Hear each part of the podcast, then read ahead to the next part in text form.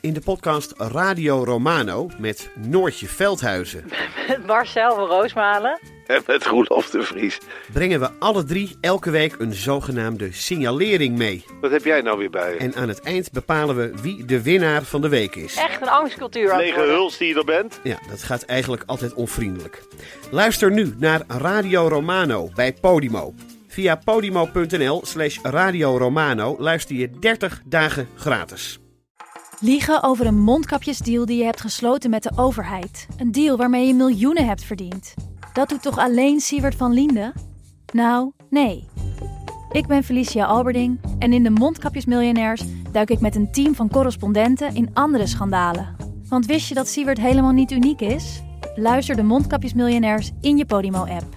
Of ga naar podimo.nl slash mondkapjes. En probeer Podimo 30 dagen. podimo.nl slash mondkapjes. Wir wollen mehr Demokratie wagen. Dit is Betrouwbare Bronnen met Jaap Jansen.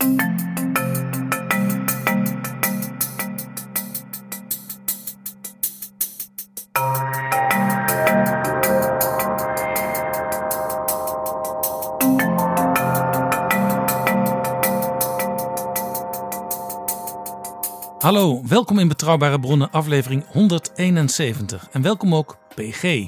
Dag Jaap. PG, voordat we beginnen wil ik eerst de nieuwe vrienden van de show welkom heten. Dat zijn luisteraars die een donatie gedaan hebben, zodat wij het nog mooier kunnen maken in de nabije toekomst. Dat waren de afgelopen dagen Dick, Bart, Isabel, Leo en nog een Leo, Ruud, Maarten, Christian, Weert, René, Bas en Esther. Vrienden van Betrouwbare Bronnen, u bent meer dan welkom. Dit is Betrouwbare Bronnen. PG, we gaan het hebben over, ja, hoe kan het ook anders? De verkiezingscampagne.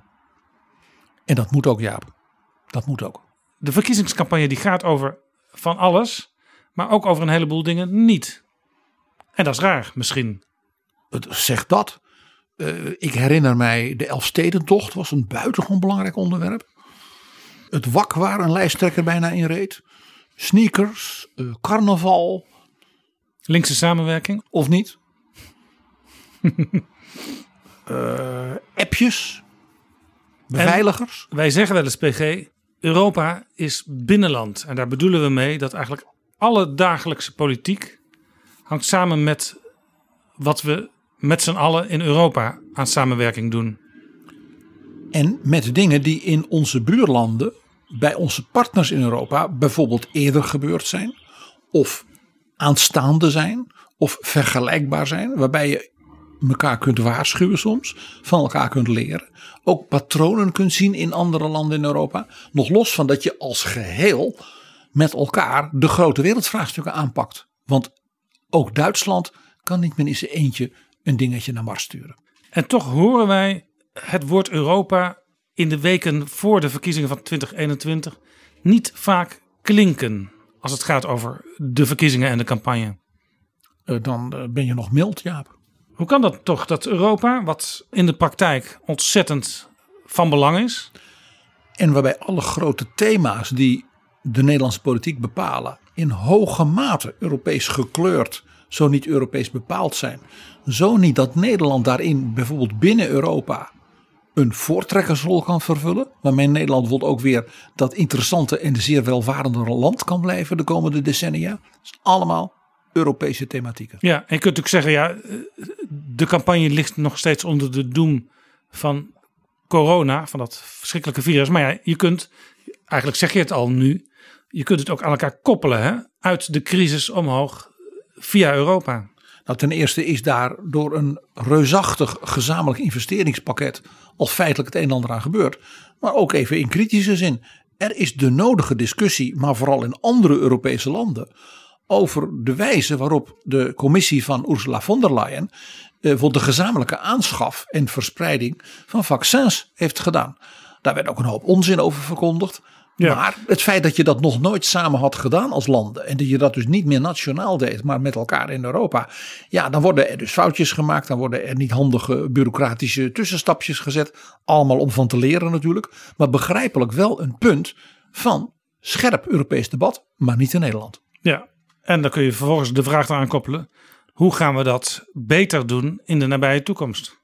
En zijn er misschien voorbeelden in Europa dat je zegt, daar hadden we snel van moeten leren toen we dat met die vaccins deden, omdat we dat bijvoorbeeld bij probleem X of, of, of tekort Y wel slim hebben aangepakt. Ja, en er is nu bijvoorbeeld sprake van, eh, de Portugezen die, die, die stellen dat voor, om een gezondheidsunie te gaan maken binnen Europa. Dus dat we dus echt als landen intensiever met elkaar gaan samenwerken.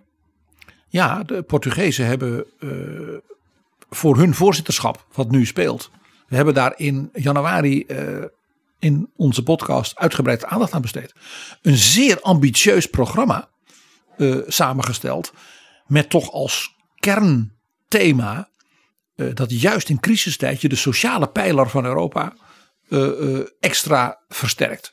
En onderdeel van die sociale pijler is in de Portugese manier van kijken nadrukkelijk ook de gezondheid van burgers. Dat laatste is echt een nieuw element. De Portugezen, dat moet je zeggen, ook als opvolgers van het Duits voorzitterschap, heel duidelijk dat stokje hebben overgenomen. Eh, in de zin van dit is dus een thema waar we als Europese landen niet meer van kunnen doen. Nou ja, dat regelt elk nationaal ziekenhuissysteem zelf maar.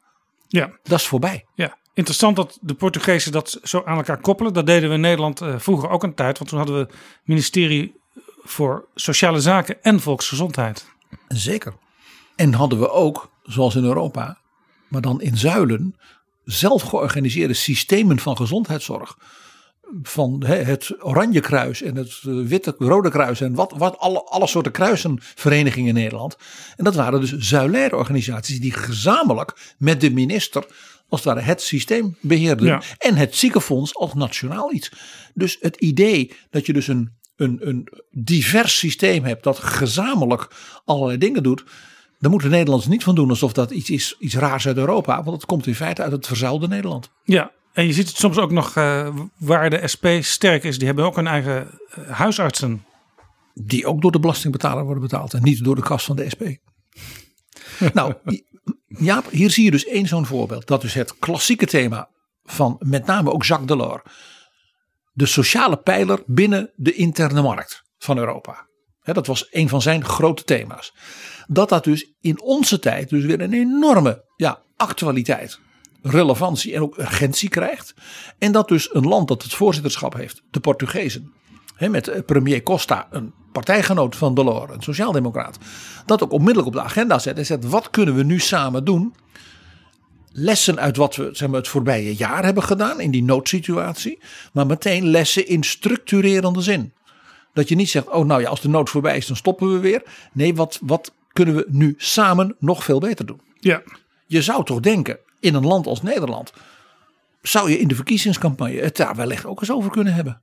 Ja, bijvoorbeeld. Hoe een, kiest Nederland zijn rol daarbij? Ja, een van de dingen die we natuurlijk de afgelopen jaren wel als urgent zagen. De jaren van uh, Trump, Poetin en Xi Jinping. Moet Europa zelf meer gaan doen aan defensie? Uh, denk eens aan al die mensen die roepen dat Europa zijn grenzen beter moet bewaken. Diezelfde uh, partijen en groeperingen hoor je zelden over het aanzienlijk versterken van dus de bevoegdheden en het geld voor Frontex. Nou, er is dus nu een discussie en die is echt in gang gezet door Emmanuel Macron. Om dus binnen de NATO, en in zekere zin, want het blijft de Franse president ook wat naast de NATO, een eigen defensiepijler, hè, zoals die sociale pijler van, van, van Delors, een defensiepijler van Macron in Europa op te bouwen. En dan niet een Europees leger met een, zeg maar, een Duitse generaal en Italiaanse grondtroepen, maar dat bijvoorbeeld in Europa je taken verdeelt. Dat je investeringen samen doet. Bijvoorbeeld in je logistiek. In uh, vernieuwing van bijvoorbeeld de marine. Cyberwar als heel nieuw thema. En buitengewoon interessant. De bewaking van onze soevereiniteit vanuit de ruimte.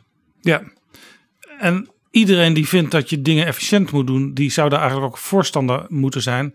Want de Europese landen bij elkaar opgeteld, die geven meer aan defensie uit dan de Russen of zelfs de Chinezen. Uh, maar wat we ervoor terugkrijgen, voor al die kleine, op zichzelf kleine investeringjes, is te weinig. En we kunnen daar veel meer van maken als we samenwerken en het efficiënt doen. Eh, ja, om het dus heel Amerikaans te zeggen, more bang for a buck. Eh, als eh, zeg maar landen als Duitsland, Frankrijk, Spanje, Italië, dat zijn dus landen met een grote begroting, maar ook rijke en in dat opzicht dus ook grote begrotingen als die van de Benelux-landen. Als, die, als we zouden, zouden poelen een aantal van hun belangrijkste investeringen in bijvoorbeeld eh, nieuwe apparatuur. Denk ook aan cyberwar, denk ook aan eh, eh, dingen ten aanzien van, van de luchtva- luchtmacht. Zeker ook ten aanzien van de marine, waarin niet elk land als het ook door zijn ligging dezelfde posities heeft. Dan zou je dus voor hetzelfde geld veel meer kunnen doen. En dus ook een veel krachtiger afschrikkingspotentieel hebben. Bijvoorbeeld tegenover zowel eh, eh, president Erdogan en de zijnen. Ja. Hè, voor de Grieken en de Cyprioten. Als natuurlijk in de Baltische landen en Finland. Een tegenover Poetin. Een ander thema, als je het over Europa hebt, wat in deze campagne een, een grotere rol zou moeten spelen, wat mij betreft, is eh, de burgerrechten in Europa, de digitale grondrechten. Er is zelfs één partij, de Piratenpartij, die daar zo'n beetje het hoofdpunt van het hele programma van heeft gemaakt. Maar andere partijen zijn er ook mee bezig. Maar het is natuurlijk bij uitstek iets wat je bovennationaal moet oplossen samen. Je zou eigenlijk een soort Europees handvest van digitale grondrecht moeten hebben. Ergens zeg maar halverwege het Digital Europe van de EU. Denk aan Roberto Viola, met wie wij spraken. En eh, je zou bijna zeggen de Venetië-commissie, dus de Raad van Europa en de burgerrechten waar dan Pieter Omtzigt zo actief in is. Dat ze zeggen van, wil je als burger tegenover Facebook, Google, maar ook eh, inbreuk ja, eh, op je cybersoevereiniteit. Denk eens aan bedrijven, aan een universiteit Maastricht, aan ziekenhuizen, ja, die dus gewoon gechanteerd worden doordat eh, ze hun, hun, hun cybertoestanden gewoon platgelegd worden. Burgers en organisaties zijn op dat punt in feite machteloos. Ja, En, eigenlijk. en, en de burgerrechten, vrijheid van meningsuiting en, al die dingen die daarbij horen, staan daarmee dus reëel onder druk. Nou, als je dat in 27 landen wilt gaan doen, daar zal eh, Mark Zuckerberg echt heel erg van onder de indruk zijn. We weten dat als de EU een Google, een Facebook aanpakt, gezamenlijk, denk aan mevrouw Vestager, dan is het ja mevrouw Vestager, goed mevrouw Vestager, zullen we doen mevrouw Vestager. Geldt ook natuurlijk weer voor die cyberwar kant eh, in de Baltische landen vanuit Rusland. ja, Dus dat hele element van je soevereiniteit als burger en dus ook als landen en als organisaties in de digitale wereld is een gigantisch thema. Ja, ander heel belangrijk thema is de Green Deal, de, de Europese Green Deal. In feite, alle landen van Europa hebben het akkoord van Parijs ondertekend. En Amerika doet nu ook weer mee, dus je kunt ook weer wel, ja. optrekken. Ja, gelukkig wel doen de Amerikanen ook weer mee. Maar je kunt dus elkaar ook weer scherp met peer pressure stimuleren om, om de goede dingen te doen. En ook dit zou wel meer in deze nationale Nederlandse campagne terug mogen komen. Nou, bijvoorbeeld, hoe gaan wij ons klimaatakkoord, ons energieakkoord, het hele stikstofgebeuren. Letterlijk tot twee, drie maanden voor de coronacrisis uitbarstte, was de, het hele stikstofgebeuren reden tot eh, dat het verkeer in Nederland stilgelegd werd, dat het kabinet ongeveer op omvallen stond, eh, dat Maxime Verhagen in een geel hesje op het Malieveld stond. We zijn het allemaal vergeten. Ja, ik noemde En dit zijn dus thema's met enorme lange termijn doorwerking, die je dus niet nationaal kunt doen. Klimaat en energie. Eh, vergeet het maar. En nou ja, bijvoorbeeld mevrouw Ploemen, lijsttrekker van de Partij van de Arbeid, partijgenoot van en Diederik Samson en van eh, Timmermans. Frans Timmermans. Ik zou graag bijvoorbeeld dan een PvdA-betoog horen over hoe pakken wij nou die grote lijn op en hoe vertalen we dat naar Nederland. Ja, en misschien nog wel, wat mij betreft, het, het allerinteressantste, want dat hangt eigenlijk boven alles, is eh, de geopolitieke positie van de Europese Unie. Want het heeft niet heel veel zin meer om als Nederland te gaan denken van wat moet nou straks heel specifiek onze nieuwe minister van, van Buitenlandse Zaken gaan doen. Dat hangt allemaal samen met eh, wat Nederland in Europa doet. Minister-president heeft hier natuurlijk ook steeds meer een belangrijke rol in, in gekregen. Maar hoe verhoudt Europa dat zich altijd op de borst klopt? Eh, Wij zijn eh, het grootste handelsblok ter wereld. Hoe verhoudt dat zich tot de Amerikanen, die weer wat meer bevriend met ons zijn? Maar ja, daar kun je niet altijd op rekenen, hebben we geleerd. Hoe verhouden wij ons tot de Russen, hoe verhouden wij ons tot de Chinezen, maar ook India, Zuid-Amerika, Afrika, noem het allemaal maar op. 7, 8 mei is de Eurotop in Porto. En daar is een speciale gast, dat is premier Modi van India. Wat is de houding van Nederland daar? Wat zijn onze prioriteiten in de relatie met India? Uh, niet alleen handelspolitiek en economisch, maar ook kennisuitwisseling, onze, laat zeggen, de rol van India op het wereldtoneel en in Azië, ook als rivaal van China. Ik, we zouden even de zoekmachine moeten loslaten op de verkiezingsprogramma's, maar als er nou één, twee partijen zijn die India noemen in hun programma, dan zal het veel zijn. Dus die geopolitieke rol van Europa raakt heel veel. Gewoon even een heel punt. Gaan we nou wel of niet het internationale, dus geopolitieke buitenlandbeleid van Europa doen met veto's of zonder veto's? Dat is nogal een punt. Zeggen wij Orbán heeft een veto, want dat wil Rutte ook op het buitenlandbeleid? Of zeggen we nou, nee, wij willen natuurlijk niet dat Orbán een veto heeft, maar wij wel. Ik krijg nog enkele lijsttrekkers eh, in betrouwbare bronnen. Ik denk dat ik deze vragen ook maar mee zal nemen naar die gesprekken. Mag ik nog zo'n punt aanstippen? Eh, dat raakt natuurlijk onze relatie in alle opzichten met Rusland. En dat raakt in hoge mate een bilaterale relatie die eigenlijk voor Europa altijd vooruitgeschoven is. Dat is de relatie tussen Rusland en Duitsland. Ja. En wij krijgen in september verkiezingen in Duitsland. En het moet wel heel gek lopen. Of dat is toch echt het einde van de kanslerschaft van Angela Merkel. Ja, ze, ze heeft haar eigen afscheid aangekondigd, dus daar gaan we dan ook vanuit. Dan ben ik dus benieuwd hoe Nederlandse politieke partijen zich opstellen in de relatie naar het Duitsland na Merkel. Hoe gaan wij ons dan opstellen, ook richting Rusland? Ja. En voor Nederland spelen daar dingen als MH17, om er niet omheen te draaien, natuurlijk nadrukkelijk ook een rol. Ja, en dit is ook extra interessant, want uh, de gedoodverfde opvolger van Merkel, of althans de man die ook kan gaan beslissen wie de nieuwe bondskanselierkandidaat wordt, is Armin Laschet. En die wordt er soms ook in de eigen Duitse media toch een beetje van beschuldigd dat hij iets te Ruslandvriendelijk is in zijn uh, politieke opstelling. Omdat hij als premier van Noord-Rijnland-Westfalen uh, belangrijk ook industriële relaties en energiepolitieke relaties heeft met Rusland. Armin Laschet heeft drie landen waarvan men zegt daar heeft hij een faible voor. Dat is Frankrijk. Hij spreekt vloeiend Frans. Heeft ook heel veel verbanden met Frankrijk. Dat is natuurlijk heel klassiek West-Duits. Hij heeft een hele bijzondere warme band met het westelijk buurland Nederland en Rusland. Dat betekent dus iets.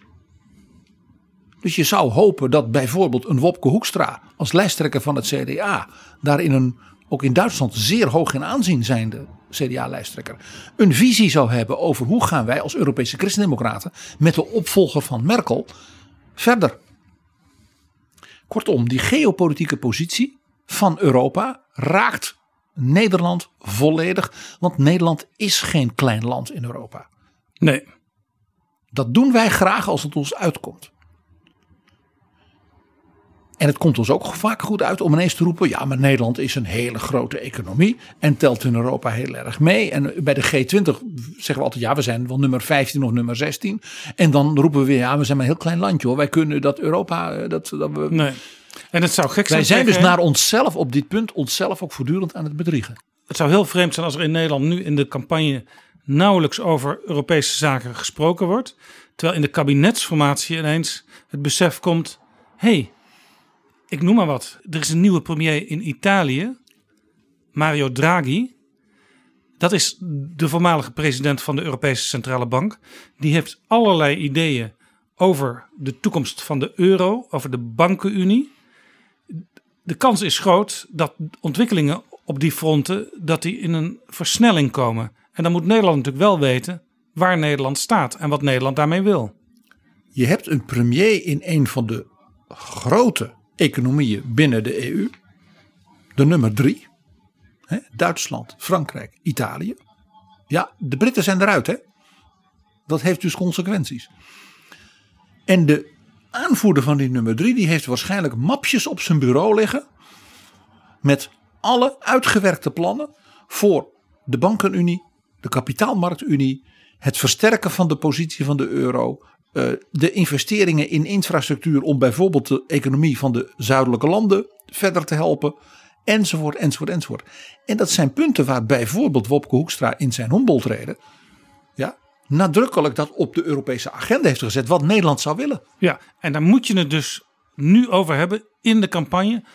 Ook om te voorkomen, dit is even een, een vingerwijzing toch naar de, de politiek in Nederland van jongens, let op. Dat als je het er straks in de kabinetsformatie plotseling wel uitgebreid over hebt. En als daar vele pagina's straks in dat dikke akkoord zullen komen. Dat mensen dan gaan zeggen van ja, maar jullie hebben het nu over iets waar we in de campagne helemaal niks over gehoord hebt. Ja, dan krijg je ook weer die kloof, die, die discussie over de kloof tussen kiezers en gekozenen. Ja, als je dat wil voorkomen, heb het er dan nu alvast over. Of dat men dan als smoes hanteert. Ja, ja, maar dat moet van Brussel. Waarmee je Wat dan, niet waar is. Waarmee je uh, alweer uitlokt dat een volgende discussie over Europa, een referendum misschien wel ooit weer, dat dat weer een enorme soft wordt voor iedereen. Nog even een punt. Het regeerakkoord. Jij wijst er terecht op. Daarin gaat Nederland natuurlijk voor vier jaar, met natuurlijk doorwerking ja, in de vele jaren daarna, natuurlijk afspraken maken om uit deze diepe, harde crisis te komen. En dan doen alle landen in Europa. Dat doet dus ook straks die nieuwe Duitse regering. Met dus alle grote consequenties voor Nederland zelf, maar ook voor de rest van Europa. Jij weet, Jaap, dat iemand als Gert-Jan Koopman in Brussel dan die plannen bekijkt. Dat heet het zogenaamde Europese semester. Ja. En er wordt gekeken, passen die afspraken van dat land, zowel de jaarlijkse begroting en zeker ook zo'n regeerakkoord, in het totaalpakket van een goed samenhangend Ja, Europa Gert-Jan beleid. Koopman was de gast in Betrouwbare Bronnen. Hij is directeur-generaal begroting van de Europese Commissie. En dat betekent dus dat de financiële zeg maar, eh, projecties, ook van zo'n centraal planbureau, die je verwerkt voor het maken van het regeerakkoord, mede tot stand komen in afstemming met natuurlijk de Europese collega's. Wat zijn de, de jongste cijfers die in Europa en alle landen en wat betekent dat voor Nederland? Je kunt dus ook hierin maar weer beter openlijk zeggen van die plannen die wij gaan maken voor de begroting en voor het bestrijden van de crisis de komende vijf jaar en misschien de komende tien jaar, die stemmen we al van tevoren af met wat we daarbij samen met andere Europese landen kunnen doen. En helemaal als je dan bijvoorbeeld het Europees noodfonds, wat hiervoor gemaakt is van honderden miljarden, kunt be- benutten om een aantal versnellingen, bijvoorbeeld voor investeringen in het Wopkefonds, de infrastructuur en dergelijke in Nederland te doen, onze kennissector en onze bijvoorbeeld nieuwe en groene industrieën.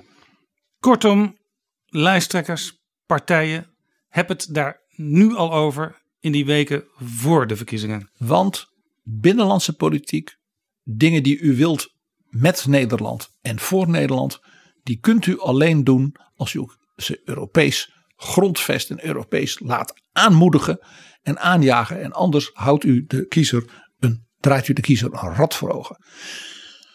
Mag ik één puntje nog even aanstippen? Jaap.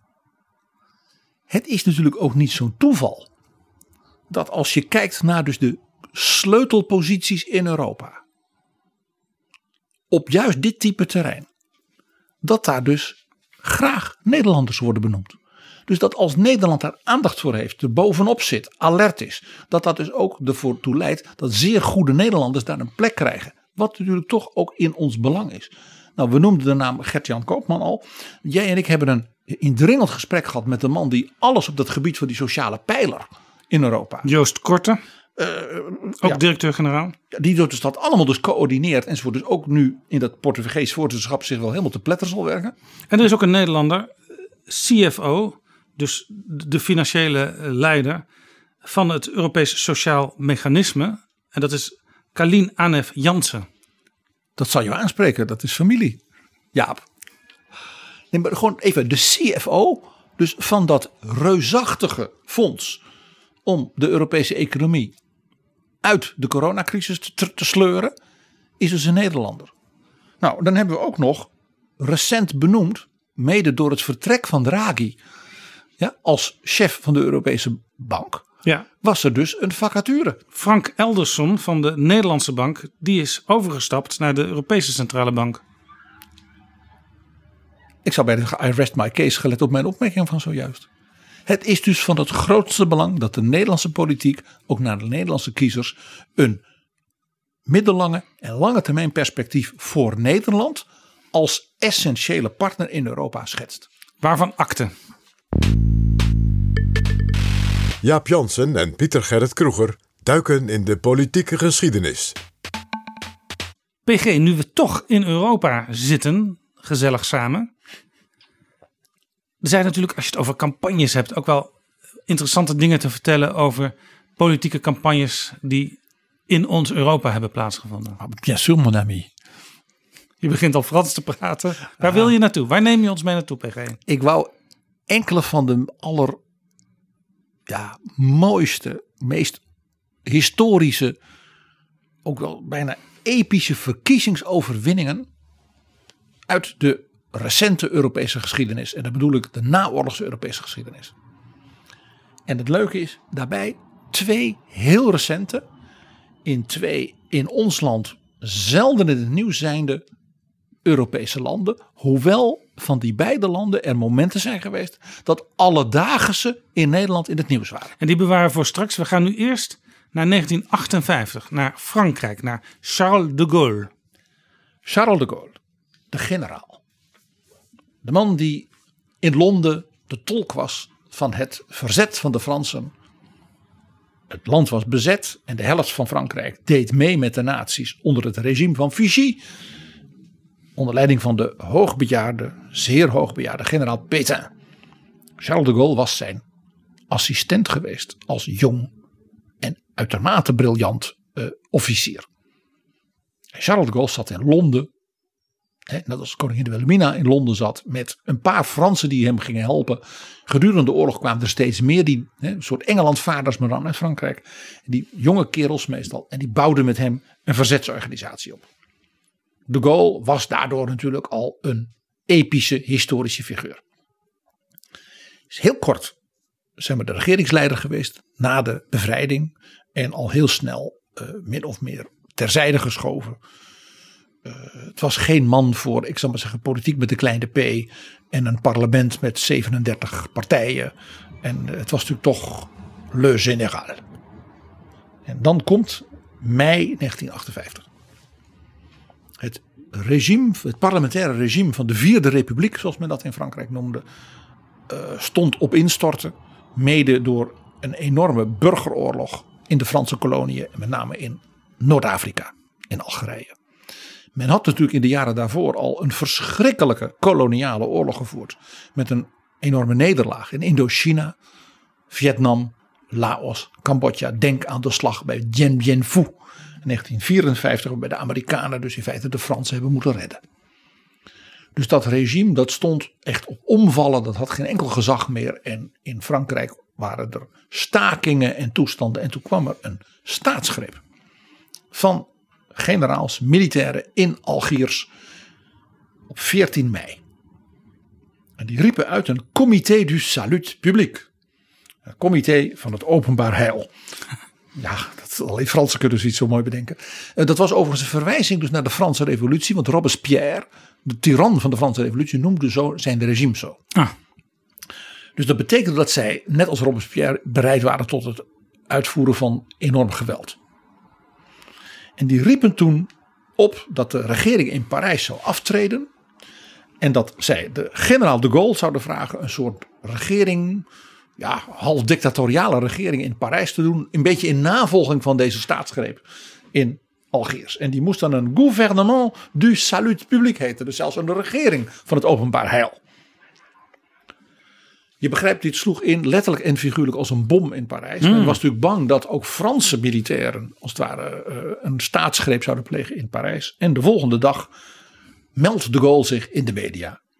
En die heeft toen in het soort taal, wat ja, je moet het in het Nederlands uitspreken, maar de Gaulle gebruikte daar werkelijk briljant geformuleerd Frans voor, want hij was een literator van de eerste rang. Ik stel mij beschikbaar het gezag over de republiek op mij te nemen. Met andere woorden, als u het wil, dan ben ik er. Maar hij zei dus niet dat hij een staatsgreep ging plegen of dat hij de regering ging afzetten. Het was natuurlijk briljant geformuleerd. Ik ben bereid het gezag over de republiek op mij te nemen.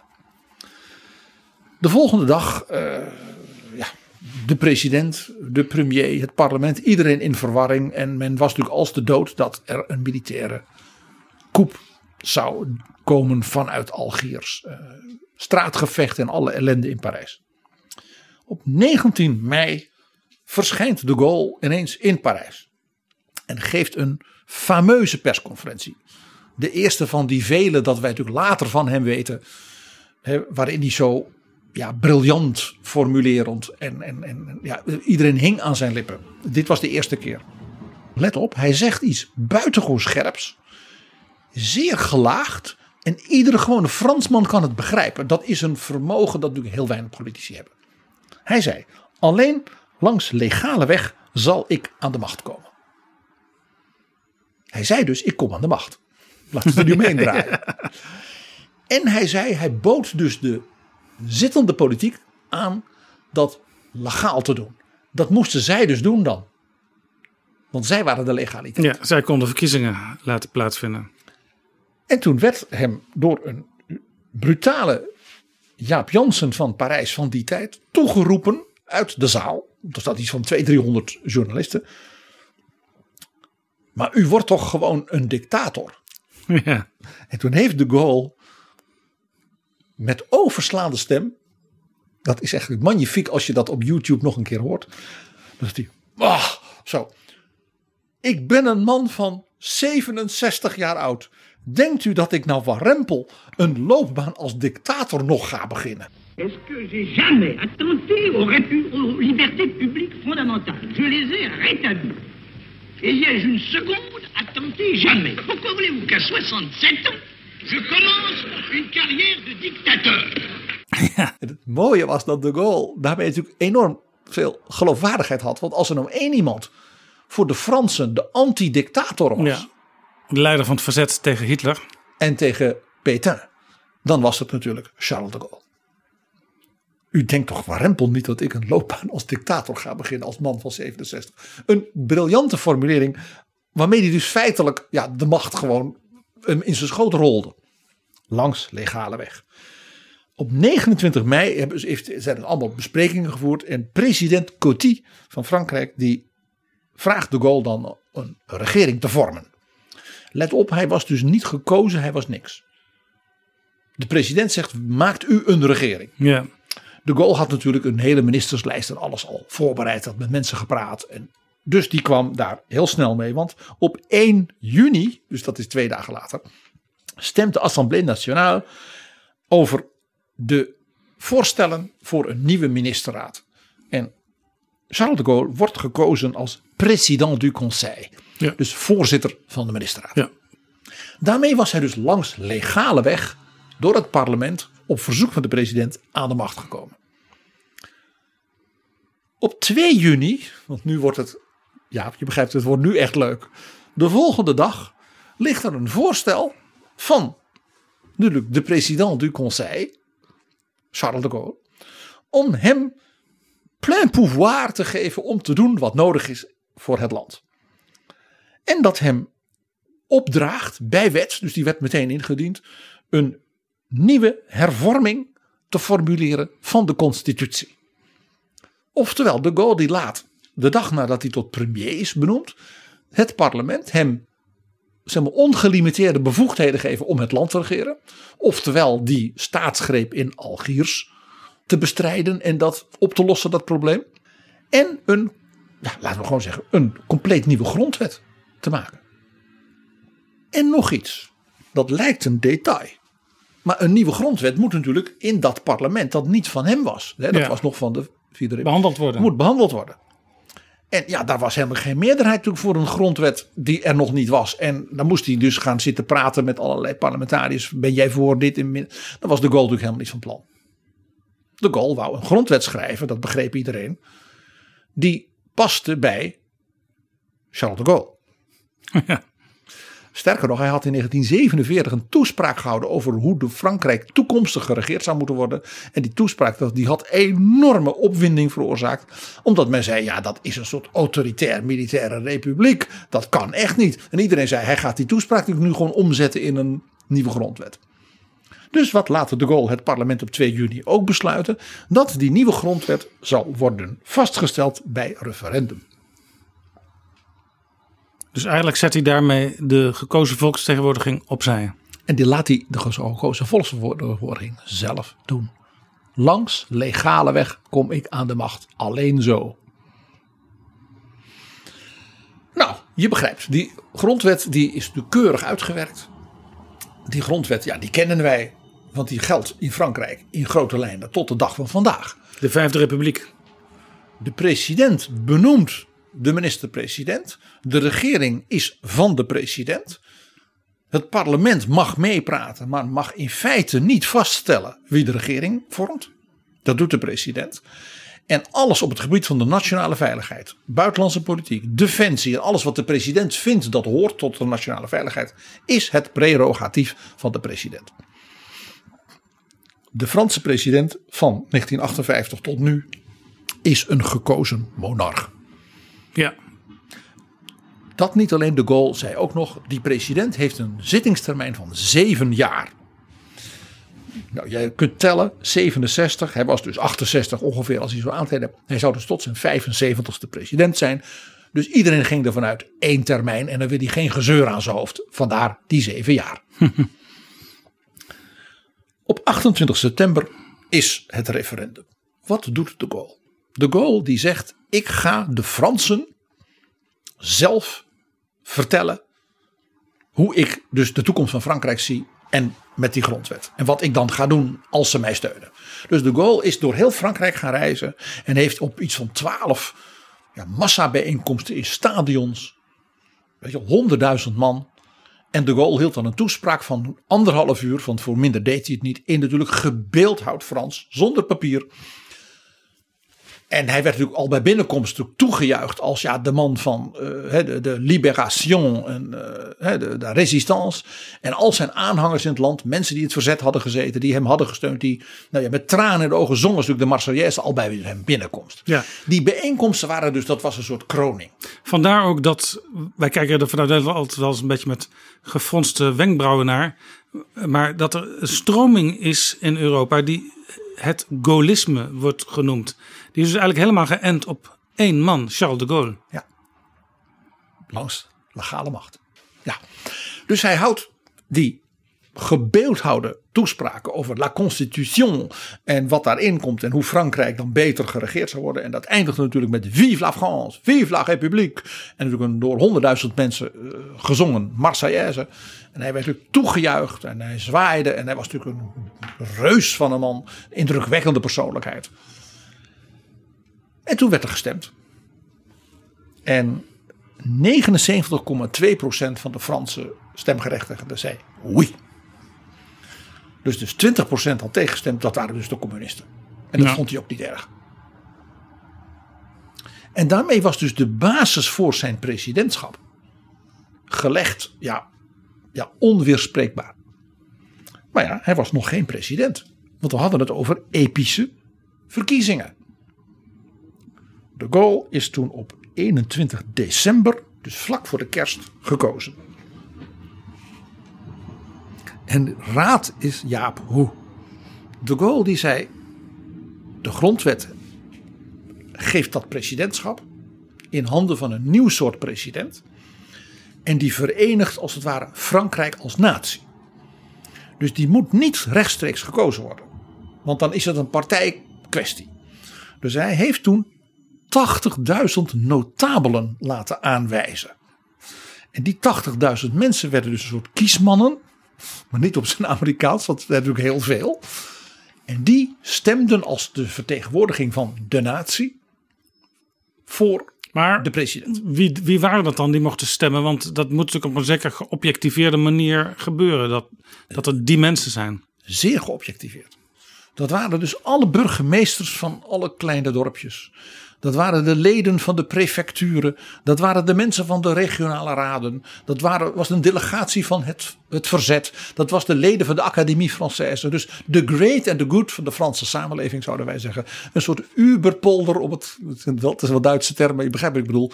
En natuurlijk de Fransen die na de Tweede Wereldoorlog hè, als burgemeester in die dorpjes, hè, toen Vichy weg was, het hadden overgenomen. Die mensen waren natuurlijk allemaal, vereerden natuurlijk Le Général. Of ze nou links waren of rechts, of het dorp of, of, of stad. Dus die 80.000 stemgerechtigden, die hebben bijna unaniem voor de Gaulle gestemd als president. Ja, fijn democratisch. Zeer democratisch. Langs legale weg. De Gaulle was niet kinderachtig. In 1962 heeft hij zijn grondwet wat aangepast aan een aantal uh, zeg maar, omstandigheden. Toen was ook de dreiging van die staatsgrepen en al dat gedoe in Algiers wel min of meer achter de rug. En toen heeft hij uh, natuurlijk niet de zittingstermijn van de president ingekort Nee, van zeven jaar. die zeven jaar. Nee, maar wel dat de volgende president, dus bij de verkiezingen die in 1965 waren gepland, zou worden gekozen bij algemeen stemrecht. De Gaulle ging er toen nog vanuit in 1962 dat hij zelf geen kandidaat zou zijn. De rest van het verhaal hebben we al een keer gedaan in betrouwbare bronnen. Maar dit is wel een van de meest epische manieren waarop iemand als ja, generaal in rusten van 67 in een half jaar ja, tot de opvolger van toch vooral van Lodewijk XIV en Napoleon gekozen werd. Ja, je ziet dat er wel een behoefte is om het enigszins pseudo-democratisch in te kleden. Niet, niet zo onaardig, ja. Maar in de praktijk, ach, hij kiest zijn eigen kiezers in feite. Dat zou, zou, zou iets om moeten komen in de Nederlandse campagne van 2021. Hij kiest zijn eigen kiezers. Ik vind hem heel mooi. Une élection de ses propres électeurs. Ja. Vive la France, vive la République, vive le général. PG, mag ik naar aanleiding hiervan jou één vraag stellen? Uh, want we zitten nu natuurlijk midden in die Nederlandse verkiezingscampagne. Wat kunnen wij hier in Nederland van leren van deze episode? Nou, misschien iets van het feit dat de Gaulle op die 10, 12 bijeenkomsten een speech van anderhalf uur hield over de fundamenten van hoe hij Frankrijk zag. In zulke, zulke in die tijd diepe crisissituatie. Dus dat zou eigenlijk heel goed passen, juist ook in deze coronacrisis, waar we met z'n allen natuurlijk toch wel zitten te denken van hoe komen we hieruit en hoe willen we Nederland dan, zoals sommigen het noemen, resetten. Ja, of, of heel onaardig gezegd, uh, ik begrijp dat je Tialf niet vol krijgt nu met uh, een heleboel Friesen die komen luisteren naar jouw visie op Nederland. Maar je zou zoiets natuurlijk wel kunnen doen als lijsttrekker. Oeh, ik zie plotseling een wak opdoemen. PG, we zaten in Frankrijk in 1958. Zullen we eens naar dat andere belangrijke land in Europa gaan? Duitsland, West-Duitsland heette het toen nog. 1972. Twee jaar na de dood van Charles de Gaulle. En ook in een fase dat dus West-Duitsland en Frankrijk. En dat is een enorme verdienste van de Gaulle en natuurlijk van Adenauer. Uh, als vrienden hadden besloten samen het Europa van de toekomst te bouwen. Dat blijft een uniek iets als je naar de geschiedenis kijkt, ook van de persoon de Gaulle, die zowel in de Eerste Wereldoorlog krijgsgevangen was, als in de Tweede Wereldoorlog de leider van het ja, verzet. En ook dit, die Frans-Duitse samenwerking, is iets wat nog elke dag opnieuw actueel is. En vandaar dus ook hoe belangrijk dat thema ook voor de verkiezingen in ons land is. We gaan nu naar 1972 in West-Duitsland. Ja. En ook dat was zo'n ja, geschiedenisschrijvende epische verkiezingscampagne en verkiezingen en alles. Dat was wat de Duitsers noemen de Willy-Wahl. Willy Brandt. Willy Brandt was de kanselier. Van de Sociaaldemocraten, de SPD. De eerste sociaal-democratische kansler sinds de Republiek van Weimar. Willy Brandt was de burgemeester van Berlijn. West-Berlijn geweest. En daardoor was hij meteen iemand die op het internationale podium een bekende figuur was en een sleutelfiguur. Met dank aan Nikita Khrushchev met het voortdurend bedreigen van Berlijn. Willy Brandt was nog iets heel bijzonders. Willy Brandt was een vluchteling voor de nazi's. Had, was dus ondergedoken met een. Willy Brandt was ook niet zijn echte naam. Dat was zijn schuilnaam als vluchteling in Noorwegen. Hoe heette die ook alweer echt? Herbert Fraam. Oh ja. En was dus echt iemand die uit het niets kwam. Hij was ook uh, een onecht kind van zijn moeder. Dus hij was als kind ja, als het ware eh, ja, een verschoppeling. Ja. Dus iemand met een levensverhaal voordat hij überhaupt in die politiek en in Berlijn burgemeester was. Waar als het ware al nou ja, een hele roman in zit. Om Ja, zo te zeggen. onecht kind moet toch misschien even uitleggen voor de, de jonge luisteraars. Dat is als je niet netjes uit een eh, huwelijk tussen man en vrouw eh, bij de notaris en vaak ook nog in de kerk afgezegend voortkomt, eh, maar op een andere manier. Hij was de kind van een eenoudergezin. Dat heette in die tijd een onecht kind. Ja. Dat zette dus zeker in die tijd een enorme stempel op zo'n jeugd. En op wat je wel kan en niet kan. En de school en alles. Maar dat betekende dus dat hij als schooljongen al een beetje een buitenstaander was. Een verschoppeling. Eh, was natuurlijk heel intelligent, kon goed leren en was links. Wilde de wereld veranderen.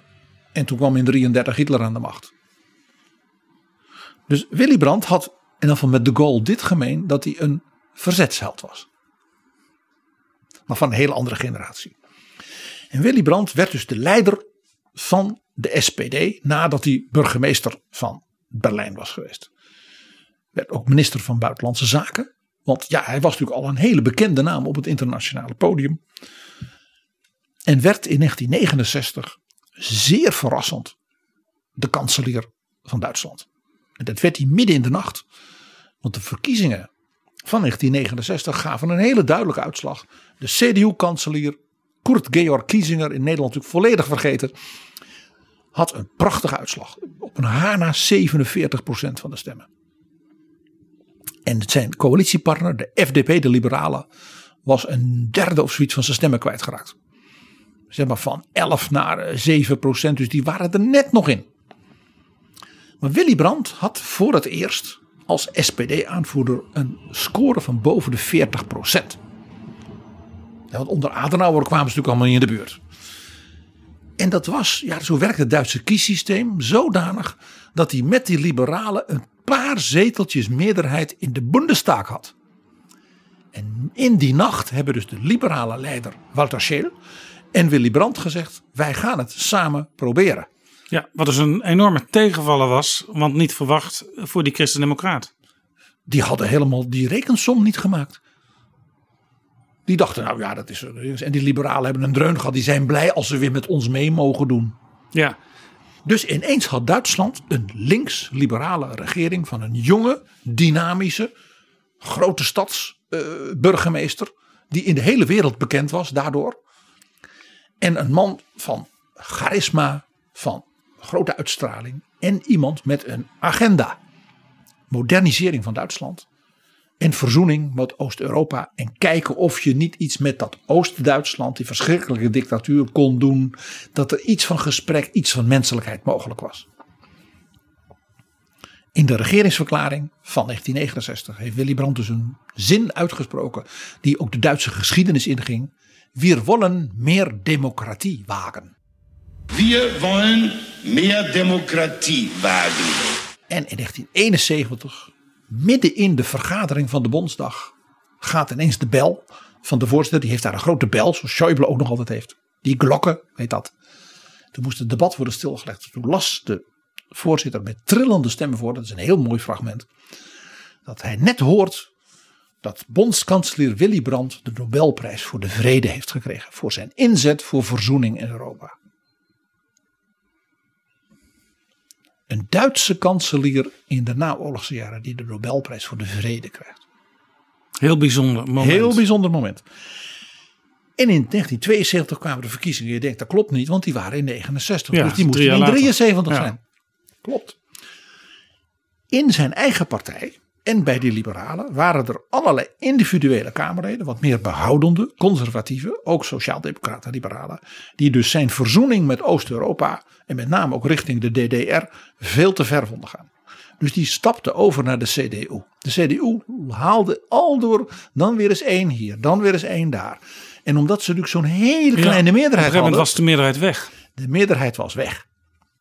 Toen heeft de leider van de Christendemocraten, Rainer Bartzel, ook hij helemaal vergeten, een motie van wantrouwen ingediend. Zoals dat zo mooi heet in Duitsland, een constructieve motie van wantrouwen.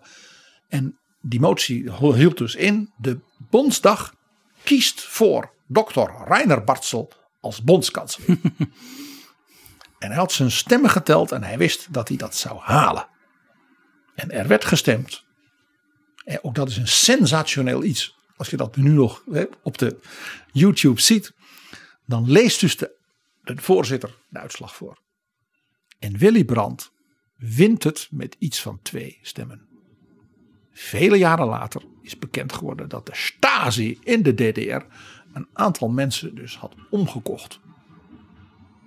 Dus de statie, de geheime dienst van Oost-Duitsland, had er belang bij dat Willy Brandt Bundeskanzler bleef. Ja, en die had dus een aantal van die conservatieve afwijkers, zeg maar zetelrovers, omgekocht. Eén daarvan had een enorm drankprobleem en heel veel schulden. En waarschijnlijk waren er ook wel fotootjes gemaakt die ooit nog wel eens in een krant gepubliceerd zouden kunnen worden. En die ander had alles eerder wat geld van ze gehad voor diensten. Heel smoezelig achteraf. Op dat moment natuurlijk een sensatie. Het was natuurlijk het einde van Rainer Bartzel als CDU-leider. Zijn opvolger was Helmoet Kool. Ja. En dat schrijft weer geschiedenis, zo gaan die Ja. dingen. En ja, één ding was duidelijk. Eh, eh, op deze manier kon je natuurlijk het land niet verder regeren. Dus Willy Brandt heeft de SPD hem pro forma ten val laten brengen als kanselier en nieuwe verkiezingen uit laten schrijven. En dat was dus die Willy-waal van 1972. De SPD heeft voor die tijd en na die tijd niet één keer zo'n geweldige uitslag gemaakt. Was net niet genoeg voor de absolute meerderheid. Dus ze hebben opnieuw met de liberalen eh, eh, eh, een regering gevormd. Maar die verkiezing waarin dus de Duitsers als het ware ja, voorgelegd werd. Wilt u nou op die weg van verzoening in Europa en modernisering en democratisering door? Of niet? Was daardoor dus ook voor in de Duitse geschiedenis zo van zo cruciale betekenis. Een mooi verhaal, PG. Maar wat kunnen we hier nou van leren voor Nederland, de verkiezingen, de campagne in 2021? dat je dus in een tijd van zeer grote fundamentele keuzes een optimistische, gedurfde, de mensen meeslepende campagne moet durven voeren. Dit is Betrouwbare Bronnen, een podcast met betrouwbare bronnen.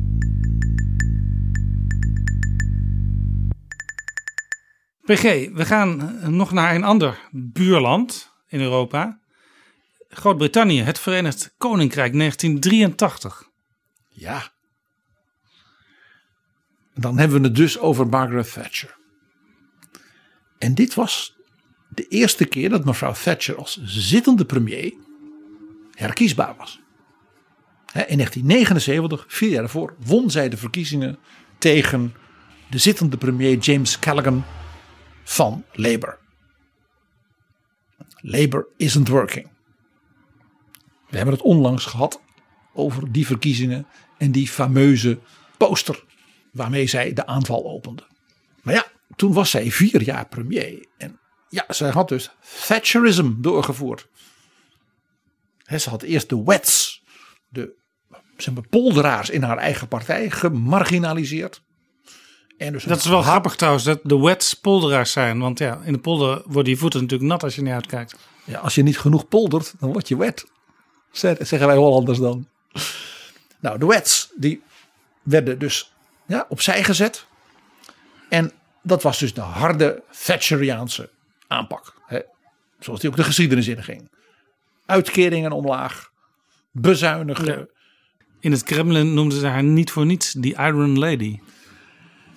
En wat heeft ze toen gedaan? Toen heeft ze zich snel als daarna op een of andere bijeenkomst gepresenteerd. Toen had ze haar allermooiste chiffon jurk aan. En ze was prachtig extra mooi gekapt en, gepoederd. En zei ze van, als vrouw, ik hou van mooie kleren. En dit en dit, dit. Hoe kunnen ze dit over mij denken?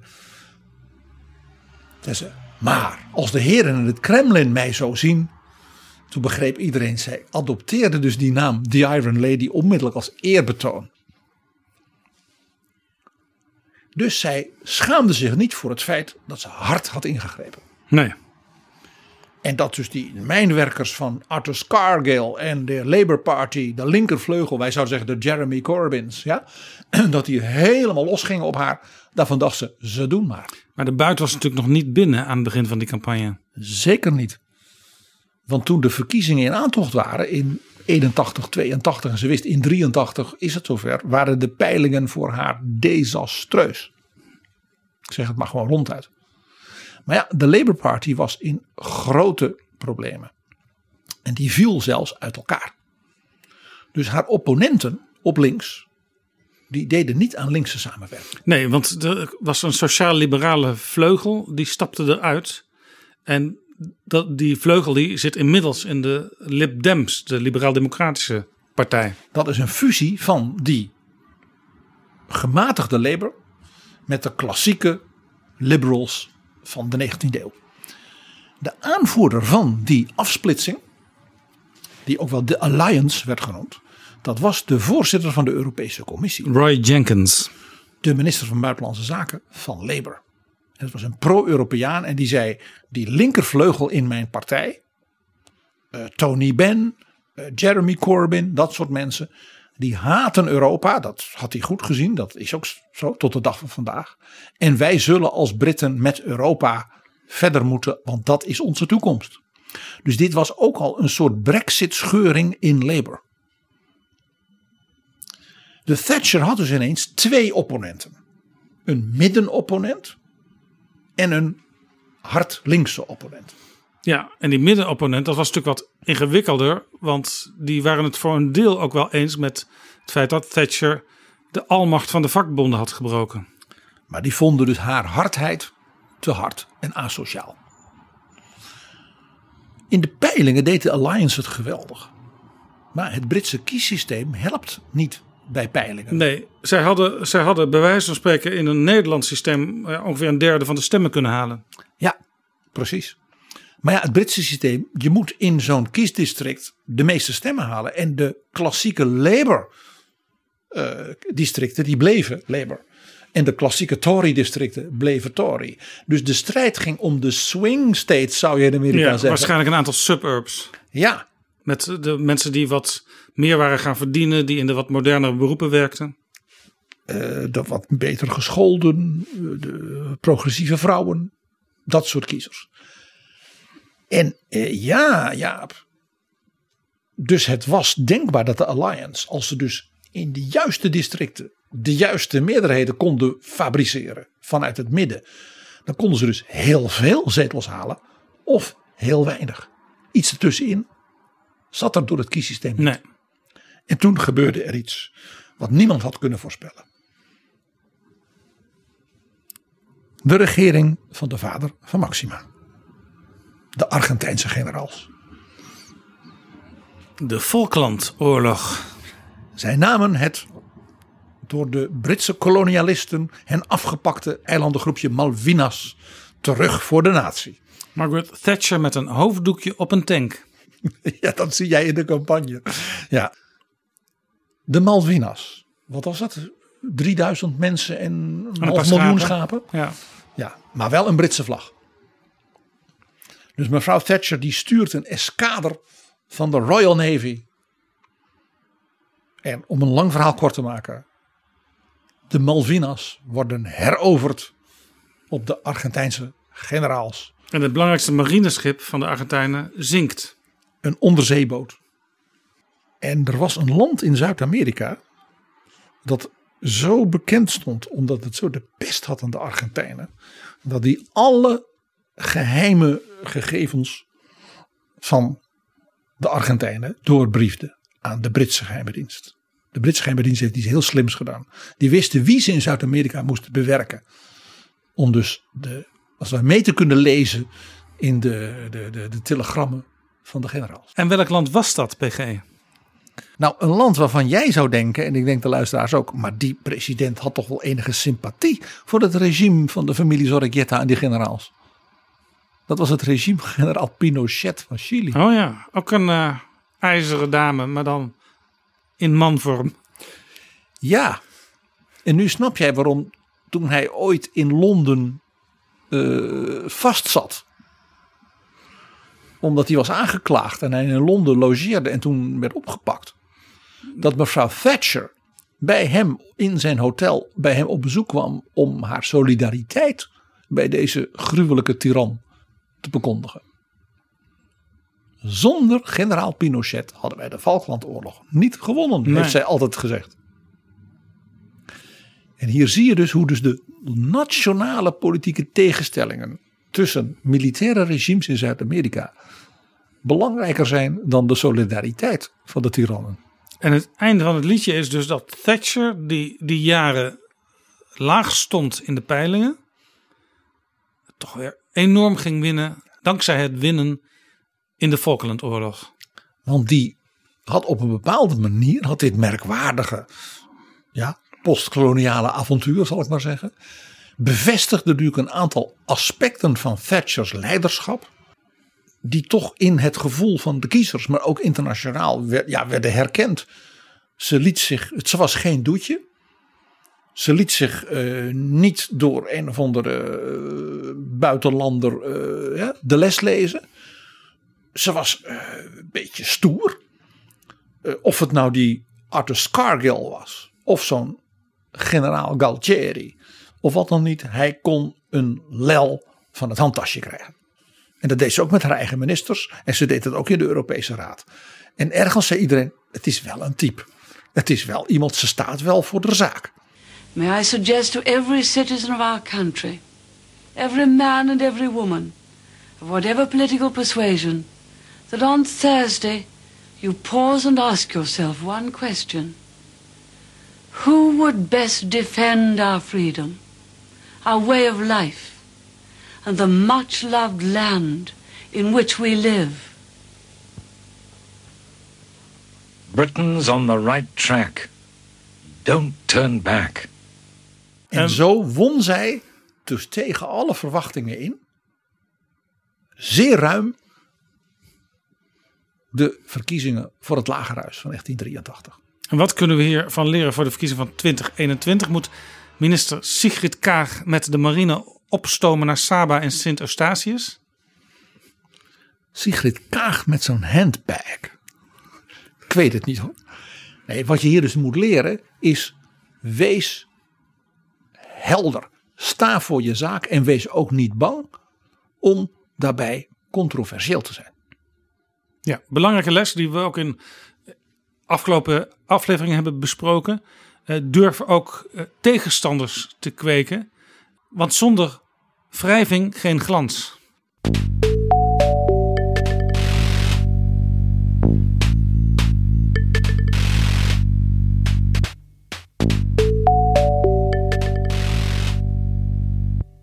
Dat verhaal van Thatcher speelde zich af in 1983. We nemen een grote sprong en we gaan naar vrij recent, 2019, Griekenland. Dat is nou zo'n land in de Europese Unie. Waar de kranten in Nederland zelden over schrijven. Behalve om erover te klagen. Behalve dus een bepaalde periode van een aantal jaar. Die we achter de rug hebben. Waarin dus het verhaal over Griekenland was. Puinzooi. eh, chaos. Ja.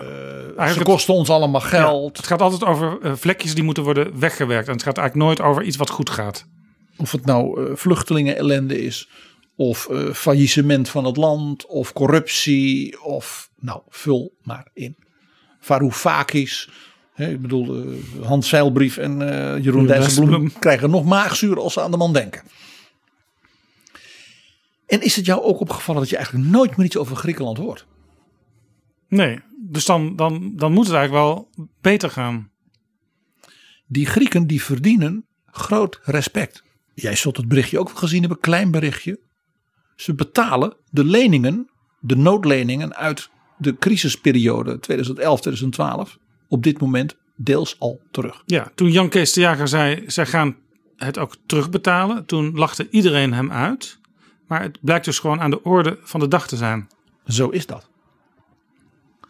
En de Grieken hebben nog iets gedaan. Ze hebben in 2019 bij hun kamerverkiezingen gekozen voor de partij die zei: ja, Europa heeft gelijk. En wij gaan als eh, Nea Democratia, dus de nieuwe democratiepartij, binnen het Europees verband door met een hoop van die narigheid. Want we moeten nog dit en we moeten nog dat. En er moet nog een hoop hervormd worden hier in dit land. Maar dat doen we omdat we op die manier het respect van Europa. Wat we al een beetje hebben, gelukkig. Nog meer gaan verdienen. En uiteindelijk zullen we het daarvan moeten hebben. En de partijleider daarvan, meneer Mitsotakis, heeft zich dus eigenlijk als, ja, ik zeg het een beetje ondeugend, als de kandidaat van Dijsselbloem uh, gepresenteerd. Natuurlijk ook met, we gaan de, de Europa begrip vragen voor onze, onze noden. En we zullen uh, bij die bezuinigingen natuurlijk wel vragen of bijvoorbeeld de pensioenen niet ja, altijd. Maar eigenlijk had hij, à la Samsom, het eerlijke verhaal van we kunnen niet zonder Europa. We moeten het via Europa doen. En als we dat vertrouwen van onze Europese partners niet herwinnen, kunnen we dus ook nooit uh, weer meedoen en ook bij de beslissingen die genomen moeten worden ook het Griekse belang laten doorklinken. Mitsotakis won die verkiezingen. Hij won ze niet zelfs een klein beetje. Hij kreeg 39,85%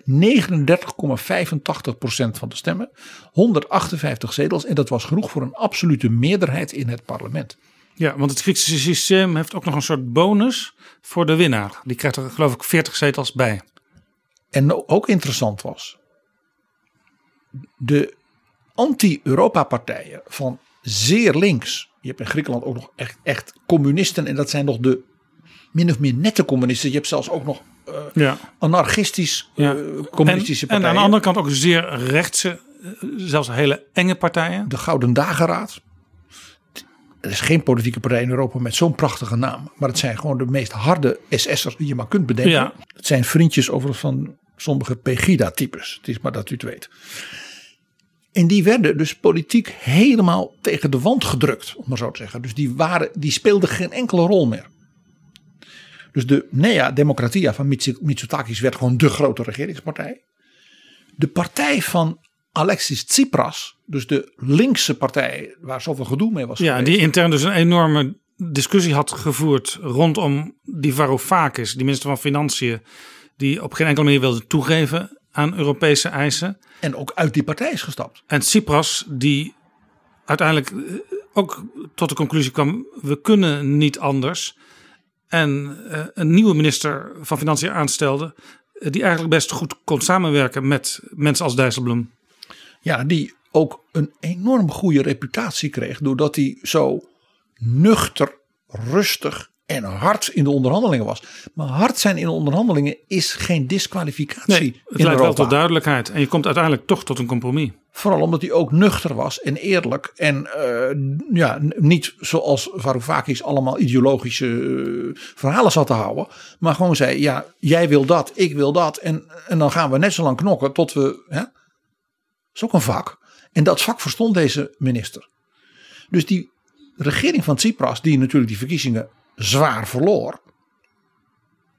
Die had uiteindelijk niet eens zo'n hele slechte uitslag.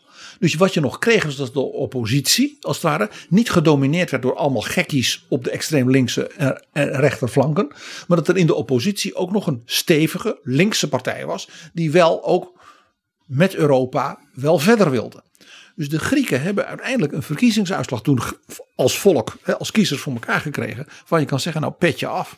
Ja. Na zoveel ellende, dat verdient dus respect. Ja, en de les die we hieruit kunnen trekken, misschien mag ik het voor jou invullen, PG, is vertel de kiezers het eerlijke verhaal.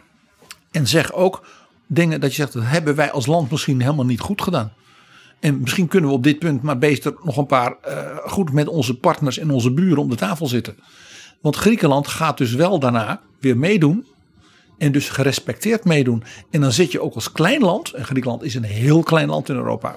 Gelet op de minimale omvang van zijn economie. Wel aan de hoofdtafel van de gesprekken. Dit is Betrouwbare Bronnen. Tot slot, PG. Jij zat je er al op te verheugen de afgelopen uh, weken. dat je een keer iets wilde vertellen over Klaus Johannes. Klaus Johannes is een naam die vrijwel niemand, denk ik, hier iets zal zeggen. Ook ik moest een beetje graven van wie, wie is dat ook alweer? Ja, vertel het maar. Klaus Johannes is een man die heeft tot twee keer toe op triomfale manier de presidentsverkiezingen gewonnen van Roemenië. Roemenië. Ja, En Roemenië is een groot land, zeker in oppervlak. heeft ook een aanzienlijke bevolking. En is natuurlijk het land dat, waarvan, waarvan wij dan altijd denken aan de Ceausescu's. De, ja, de verschrikkelijkste uh, uh, periode ja, van het Oostblok en van communistische dictaturen in Europa. Ja, en het interessante is van die Klaus Johannes, hij was leider van het Democratisch Forum van Duitsers in Roemenië. En dat, dat moet je denk ik even uitleggen, want dat is een opmerkelijke naam. De, de, de Duitsers in Roemenië. Klaus Johannes heet Klaus Werner Johannes. En hij is de oudste zoon van Gustav Heinz en Susanne Johannes. En hij is geboren en werd ook burgemeester van het stadje Hermannstad. Dat in Roemenië beter bekend staat als Sibiu. Sibiu. Zijn zus is Christa Johannes. Nou, je hoort het al. Zijn ouders en zijn zus zijn in 1992, dus meteen na de val van de muur en de ondergang van het regime Ceausescu, geëmigreerd als Duitsers en wonen sindsdien in Würzburg, die prachtige barokstad in Beieren. Dit zijn dus Duitsers en die familie, Johannes, behoort tot de zogenaamde Siebenbürger Sachsen. Dus wat je ook wel zou kunnen noemen etnische Duitsers. Ja, en wij gaan nu terug, Jaap, naar een gesprek ter herinnering dat wij samen hebben gevoerd met Caroline de Gruiter. Over de bijzondere tijden van het Habsburgse bewind van Oostenrijk-Hongarije als voorbeeld voor Europa. Met zijn multiculturele, soms wat bureaucratische, maar toch altijd weer elkaar vindende en vaak kleurrijke en cultureel rijke multiculturele imperium. Keizerin Maria Theresia was de grote bevorderaar van de immigratie van mensen uit Schwaben en uit Sachsen in Duitsland. Vaak dus zeg maar de tweede, de derde, de vierde zoon of de dochters van boerenfamilies die dus geen stukje land kregen. En die haalde zij binnen in haar grote Habsburgse Rijk en liet hen dus Siebenburgen, dat is dus het, het gebied in Roemenië, zeg maar, dat grenst aan Hongarije. Dat hadden ze veroverd op de Turken. Zeer vruchtbaar. Dan heb je een heel groot gebergte wat dwars door Roemenië loopt.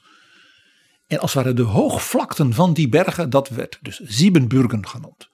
Dat kennen wij nu als Transsylvanië. Dat is Romeins, Latijn voor het gebied voorbij de bossen. Ja, trans. Ja. Overgang zit er ook in. Ja. En de liefhebbers van de letterkunde en van griezelfilms kennen Transsylvanië ook allemaal. Dat was het Dracula. gebied waar Dracula de heerser was. En die heeft echt bestaan in de 14e, 15e eeuw. Als bondgenoot van de Turken. Die Saksische en Schwabische immigranten werden dus boeren, handwerkers, ambachtslieden. Dus er is daar een hele rijke Duitse cultuur. Met Duitse steden zoals dat Hermannstad ontstaan. Luthers, vroom. Uh, wij zouden zeggen herkenbaar voor Hollanders als uh, uh, ingetogen, ijverige mensen. zuinig, een beetje pietistisch. Wat, wat je in, in Duitsland de Schwaben hebt zoals Wolfgang Schäuble. Maar hoe kan het dan dat iemand uit die groep, die etnische Duitsers, uiteindelijk eh, president van Roemenië wordt? Want in, in bij wijze van spreken België heb je ook een deel Duitse bevolkingsgroep, maar die leveren eh, nooit eh, de premier. Nee. Nou, ten eerste, dat hele gebied van Transylvanië, Zevenburgen, is een heel groot gebied. Dus het is een vrij grote en dus heel oude culturele etnische minderheid in Roemenië. Het gaat om miljoenen mensen. En door die cultuur behoren zij tot de mensen die leveren geleerden, onderwijzers. Het is een, ja, een wij zouden zeggen typisch reformatorische uh, uh, uh, gemeenschap. Dus in Roemenië ook beetje apart. Hè? Een beetje hogere middenklasse. Ja, maar ook boeren, uh, uh, maar ijverige mensen. Ingetogen. Bescheiden. het Roemeense deel van Roemenië, zeg maar de hoofdstad Boekarest en het gebied zo, is natuurlijk Latijns. Het Roemeens is een Latijnse taal, is een Latijnse cultuur, maar ook Balkan. Dus, dus er is cultureel is het verschil vrij groot. Maar men respecteert elkaar, zoals dat heet. En toen kwam dus de val van de muur en de ondergang van het Ceausescu-regime. En de grote eerste opstanden, waar ook heel veel doden zijn geweest, doordat dus het leger en de geheime dienst ja, meedogenloos terugsloeg, was dus in onder andere Sibiu en Hermannstad. Dus zij behoren ook die, de Duitse minderheid tot, ze hebben de helden van de revolutie en de vrijheid. En Klaus Johannis werd meteen in 1990 dus in de, ja, bij de ondergang van dat communistische regime een van de oprichters van het Democratisch Forum van de Duitsers in Roemenië. Die zeiden dus, wij zijn dus Duitsers, wij hebben onze achtergrond en wij willen democratie in Roemenië. Want wij zijn Roemenen. Hij zegt zelf altijd over zich, ik ben een Duitser van herkomst en een Roemeens burger. Dus hij heeft het beide en het is voor hem beide even belangrijk. Dus het is een democratiseringsbeweging van dus een minderheid in het land. Dus niet een afscheidingsbeweging, maar een democratiseringsbeweging. En hij werd dus uh, daarmee ook heel uh, gezien in dat gebied. En werd tot drie keer toe met iets van 75% van de stemmen gekozen tot burgemeester van dat Sibiu. Ja. Want hij was daarvoor zeg maar, in het communistische regime. Hij was net als Angela Merkel een, een, een student in de, de beta-vakken, in de fysica. En was dus een soort inspecteur van het lager onderwijs en het middelbaar onderwijs van de regio Sibiu geweest. Had daar dus een groot netwerk in die gemeenschap. En natuurlijk in de Duitse gemeenschap via de kerken en de Duitse culturele organisaties enzovoort. En zoals hij zelf zegt, ja, ik ben daardoor heel toevallig in die politiek terechtgekomen. Dat had ik natuurlijk nooit gedacht. En zo werd hij in 2013, nadat hij al een keer was genoemd als mogelijke premier in 2009, eh, als aanvoerder van de PNL, dat was dus de Nationaal Liberale Partij, ja. werd hij premierskandidaat opnieuw, doordat hij die partij liet fuseren met de Christelijk Liberale Alliantie en de Democratisch Liberale Partij. Dus dat waren allemaal democratisch gezinde partijen van het midden, zouden wij zeggen. En die werden samen één partij. En die werden ook lid in Europa van de EVP, de Europese Christendemocraten. Ja, en hij staat erom bekend dat hij uh, anticorruptie belangrijk vindt.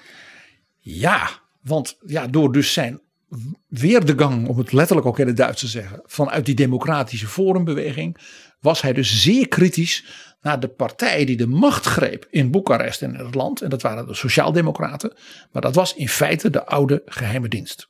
Ik zeg het maar even een beetje bruut. Het is een beetje zoals in, bij Poetin, de KGB met de oligarchen. Dat is ook in Roemenië gebeurd. En dat leidde ertoe dat dus de middenpartijen hem kandideerden als president in 2014. En ik zei al, nu wordt het extra interessant, want nu komen de verkiezingen en hoe. De eerste ronde waren natuurlijk allerlei kandidaten van verschillende partijen.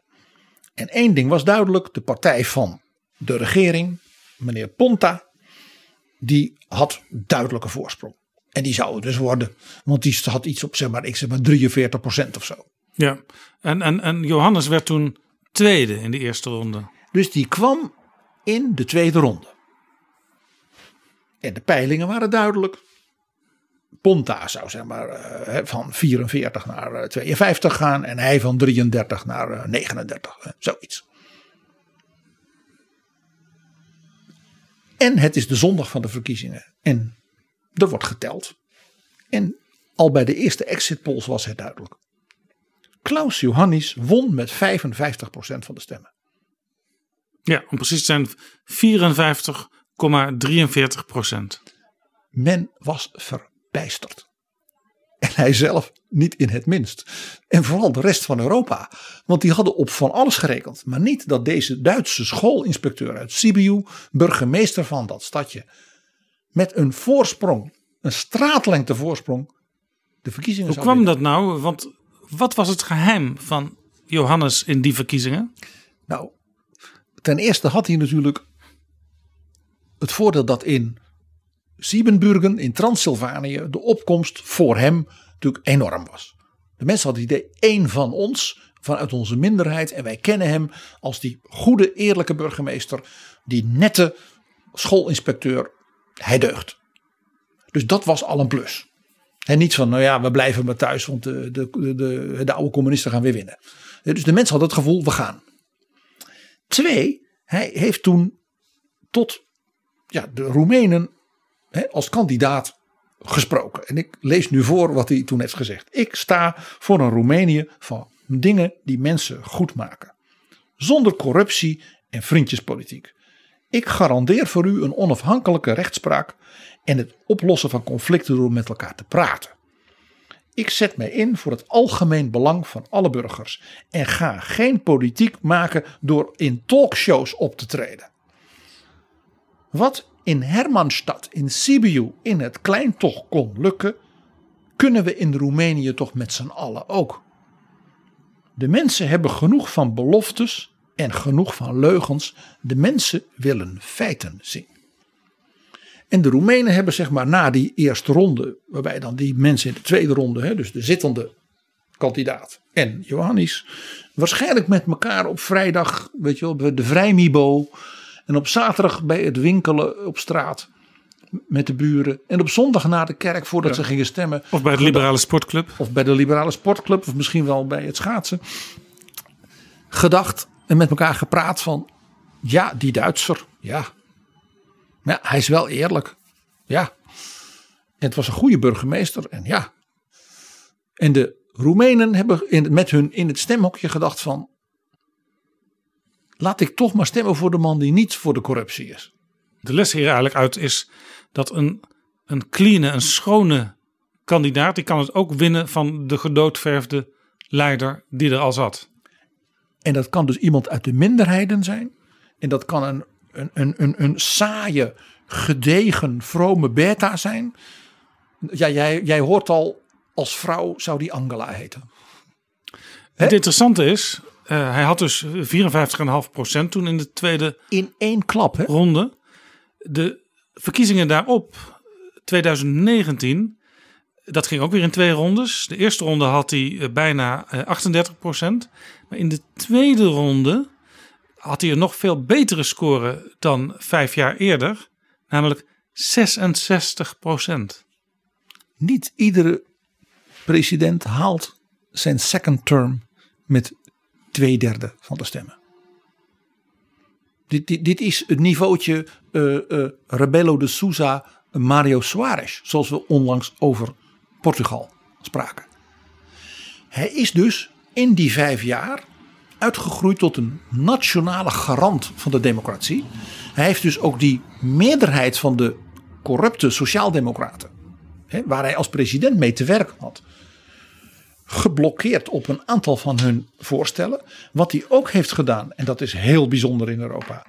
Hij heeft pogingen van de Hongaarse minderheid, die ook daar in Transylvanië zit, om een soort autonoom gebied te krijgen met een eigen regering, geblokkeerd. Maar tegelijkertijd gezegd, natuurlijk gaan wij de gemeenten waar heel veel Hongaren wonen, veel meer ruimte geven voor hun eigen onderwijs en school en cultuur. Natuurlijk. Maar we gaan niet een Hongaarse soort provincie voor alleen Hongaren doen. Daar heeft hij dus enorme heibel over gehad, over gekregen, met, je raadt het al, Viktor Orban. En dit is pikant, want Viktor Orban zit in de EVP, zoals je weet, in Europa. Ja, al is hij geschorst. De politieke leider van Hongarije. Maar de president van Roemenië, de man tegen de corruptie en dus ook tegen etnische verdeeldheid, zit ook in die EVP. En die heeft dus openlijk gezegd: Orban, jij zit fout.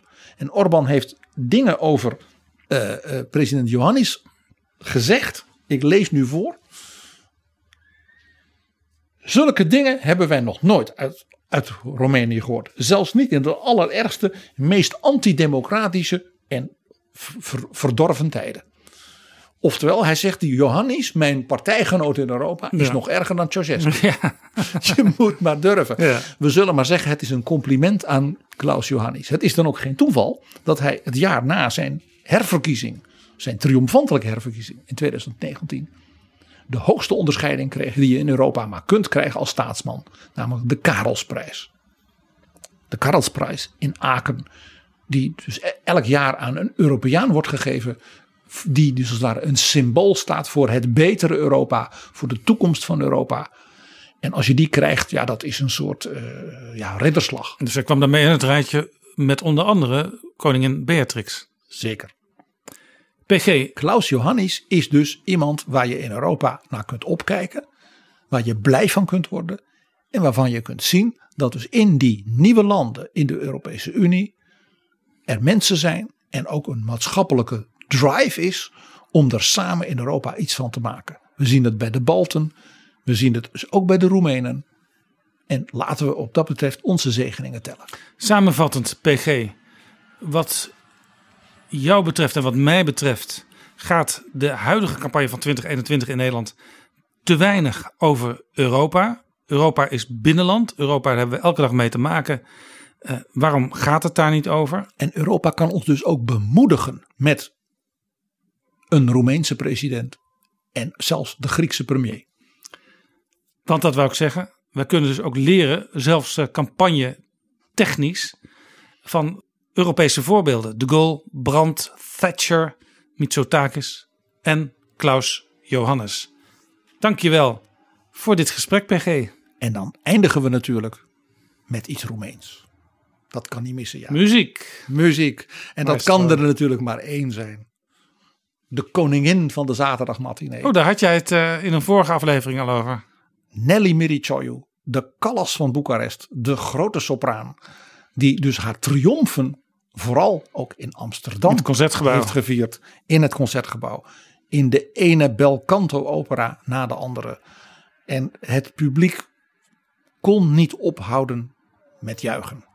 Het is bovendien een ongelooflijk leuke vrouw. Ik heb het genoegen gehad haar zelfs drie keer te mogen spreken na een voorstelling, een concert.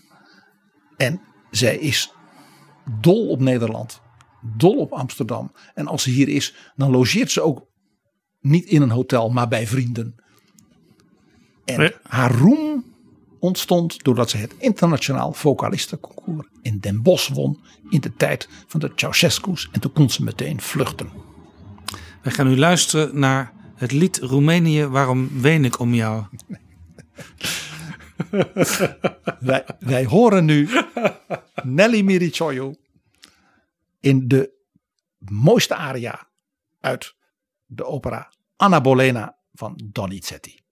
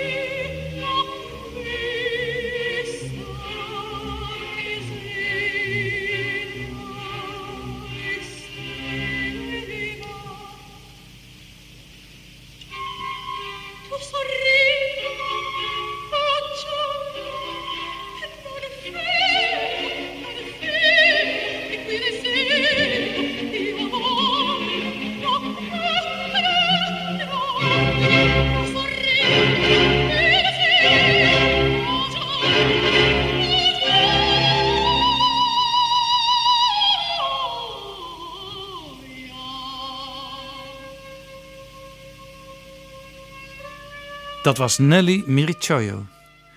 PG, we krijgen regelmatig brieven ook van luisteraars binnen. En ik wil er toch even twee uitpikken. Eentje is afkomstig van Diederik Hoekstra. Dag Jaap en PG, dankjewel voor jullie show. Iedere week geniet ik weer van jullie afleveringen, dus ga vooral zo door. Hopelijk komen er ook een keer afleveringen over Metternich, Talleyrand en Bismarck. En waar ik eigenlijk ook wel benieuwd naar ben, FDR komt heel vaak aan bod, maar over Theodore Roosevelt zelf weet ik niet veel. Misschien dat daar ook nog een gaatje voor is, schrijft Diederik Hoekstra. Ja, die Diederik die weet wel hoe die mij blij kan maken. Uh, Metternich, ja, geweldig. Ja, Talleyrand. Ik zeg wel eens dat Richard Wagner de slechtste mens is in de cultuurgeschiedenis. Talleyrand is misschien wel een van de allerslechtste mensen in de politieke geschiedenis. Er was ook een bijnaam voor, hè? Ja, koning Louis de 18e van Frankrijk, die zei: U bent een zijden sok gevuld met mest. Echt gat. Nou, Bismarck, de naam is al vaker gevallen. Dol graag een keer, Jaap. En Teddy Roosevelt, naar wie de teddybeer genoemd is, is wel alles een keer op genoemd. Maar is een zeer interessante, kleurrijke Amerikaanse president, een grote vernieuwer en een republikein. Dan nog een andere brief Goedenavond, mijn naam is Mark Buitenhuis, woonachtig in Noorwegen als gepensioneerde. Sinds een paar weken heb ik uw podcast ontdekt. Wat een genoegen. Mijn hartelijke dank daarvoor. Vanavond genoten van uw hommage aan de jarige paradijsvogel Dries van Acht. Ik heb weinig heimwee naar het huidige Nederland, maar uw afleveringen doen mij wel mijmeren. Vriendelijke groet, Mark Buitenhuis. Ik denk dat dit zelfs Dries van Acht zou aanspreken. Dat zijn paradijsvogelschap nog altijd mensen tot ver buiten ons land doet mijmeren. Heel veel dank hiervoor.